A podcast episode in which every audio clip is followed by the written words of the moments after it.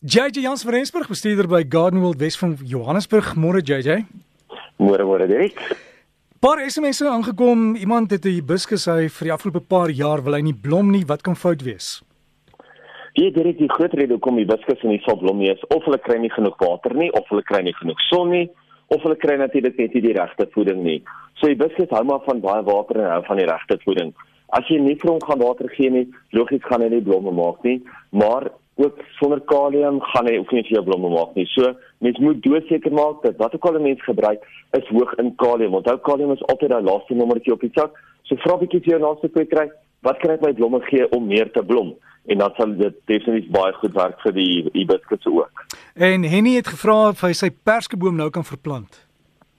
Dit seker die slegste tyd om jou perskeboom wel te verplant um, tensy jy hom uit 'n pot uit plant en dit is nogal 'n vraag wat baie opkom is kan ek nou my plant wat in potte is kan ek dit nou in die tuin inplant? So as jy wortels selfs by mekaar is glad nie 'n probleem nie dan kan jy dit oorplant in in die grond in of in 'n ander potte in. Maar as hy wel in die tuin is en jy moet hom verplant is die beste tyd om dit eerder in die winter te doen wanneer jou plante in rus is. Op hierdie stadium word jou perskes vol en vrugte wees en as jy hom nou gaan verplant, gaan jy regtig al daai energie wat nou in die blare, in die vrugte sit, gaan jy heeltemal verloor. So ja, met die verplanting moet ons ook gewoonlik ten minste so helfte of so terugsny.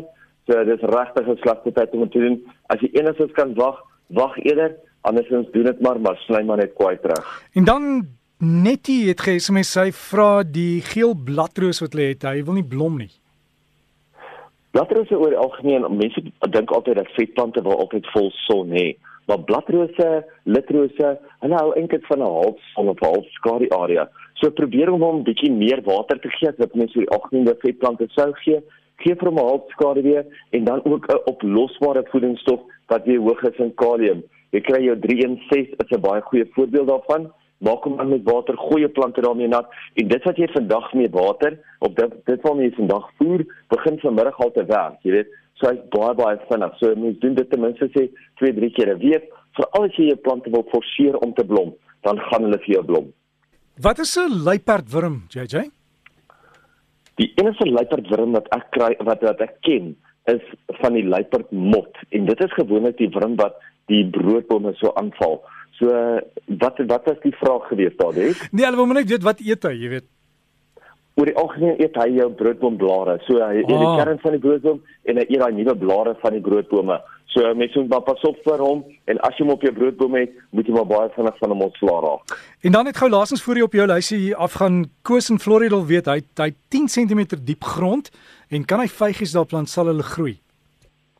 Ek dink vygies sal definitief 10 cm diep grond groei. Dis oor is genoeg grond vir die vygies. Maar mens moet maar net altyd onthou dat mens moet nou kyk wat is die res van die omgewing. As dit 10 cm diep grond is en dit is op 'n klipharde klipbank of dit is dalk tussen warm mure langs 'n warm plaveisel, logies gaan daai vyfies 'n klein bietjie weer meer water nodig hê as wat dit nou sou gebruik het in die natuur of wat dit in 'n normale bedding sou nodig gehad het. So kyk maar net na die omgewing en kyk ook hoeveel son hy kry. As dit 'n halfskade weer is, sal jy vyfies groei, maar gaan nie so mooi blom nie. Hoe meer son hy kry, hoe beter gaan hy blom. So mens moet maar probeer om daai balans bymekaar te hou. Direk ek weet die weer deesdae so onvoorspelbaar. Ek meen ons het deesdae sneeu in November. Ek kan dit nie glo nie. Gedurende hierdie week het mense 'n paar keer 'n baadjie moet aantrek en jy kan nie glo dit is al November en jy trek wel 'n baadjie aan nie. So dis eintlik baie moeilik vir ons om altyd te beplan en te sê wat gaan in die toekoms gebeur, hoe gaan ons ons plante moet behandel en so voort. En dit is hoekom dit so lekker en interessant is vir ons as tuiniers om elke dag uit te gaan en die dag vir dag aan te vat, week vir week aan te vat. Weer 'n bietjie dop te hou en ons aan te pas soos dit nodig is. As ons sien dat daar verskriklik baie hitte deurkom, gaan ons ons plante meer moet nat maak. As ons sien dat dit bietjie koeler gaan wees, moet ons ons watering ook aanpas dat dit nou nie op die koudste tyd van die dag nat gemaak word nie. So is dis dis baie lekker en is baie interessante tyd van die jaar om nou tuin te maak. Plante wat nou wel baie water moet kry, sal goed wees soos jou broodboom en baie van jou tropiese plante. As hulle nie nou baie water gaan kry nie, gaan hulle ongelukkig kwyn. Gaan jy sien waar hierdie plante net floreer nie. Hulle groei stadiger. En so gereeld kry jy dit en mense vir jou sê, maar my plant staan stil jaar na jaar. Maar die tyd wanneer hy wel die water nodig het, die tyd wanneer hy wel daai ekstra voeding nodig het wat nou in die lente en nou in die somer is, kyk ons nie genoeg na ons plante nie. So as jy wil hê jou plante moet floreer, as jy wil hê jy moet elke jaar 'n nuwe groei uitstoot en dit is nou lekker warm in jou omgewing en dit is nou somer soos wat dit maar meestal oor die land is, maak seker dat jy JJ net iets beter groei. Skus JJ, sê net daai laaste sin gou weer. As jy ekstra liefde vir jou plante wil gee, dan moet jy dit nou gee want hulle gaan definitief nou vir jou teruggroei. Iets wat nou pragtig en blom is, is jou kerstmisrose. Hulle is natuurlik pragtig en blom. Hulle begin nou kop uit so so so nou moet jy vir hulle meer water gee. Maar moenie nou aan hulle terugsny nie, want as jy nou aan hulle terugsny, gaan jy al daai blomme afsny. So los hulle eerder dat hulle nou vir jou pragtig blom, voer hulle nou met hulle suurlewende kos of as dit nodig is as jy die blou kerstmisroos wil blou hê, kry 'n bietjie aluminiumsulfaat en gooi dit om die blou kerstmisrose. Jou gekleurde varkore gaan nou begin baie warm kry en hulle gaan eintlik nou begin terugvrek.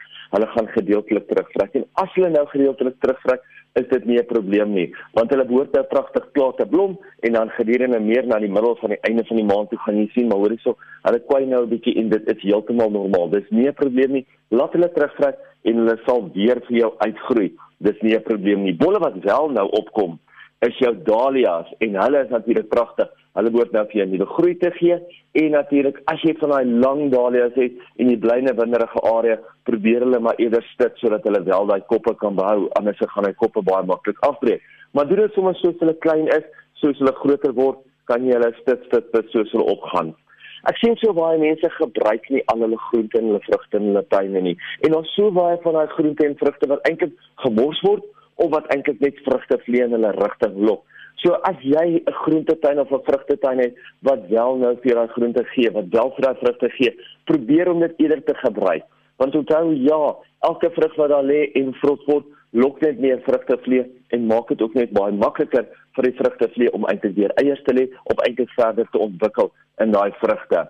Dirk, hierdie week is eintlik 'n baie lekker week gewees in Johannesburg omgewing want ons het ons Bulstraathof proewe aan en dit is nou lekker soos die skoonheidsweek as dit nou kom by blomme.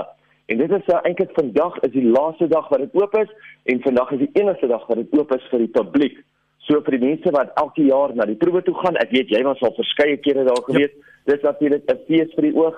Hulle het pragtige tuine, hulle het glashuise vol kleur wat hulle vir jou al die verskillende nuwe variëteite wys wat hulle op die oomblik toets en wat die, hulle beproef en dit is eintlik waar mense ook nou kan weer gaan en kan gaan loer na wat word wel vir die toekoms beplan vir Suid-Afrikaanse tuine. Waar jy ook jou sê kan sê om te sê kom ons druk 'n vlaggie in 'n spesifieke plan sodat hulle ook kan kyk waarvan hou die publiek, waarvan hou die kwekers want dit was die hele week was die kwekers en kwekerye se weer en vandag net vandag is dit die publiek se beurt om weer te gaan. Dit is natuurlik in Honeydew, dit is in Printek Rylaan Maar as jy meer wil weet, gaan loer by bolstraathof.co.za.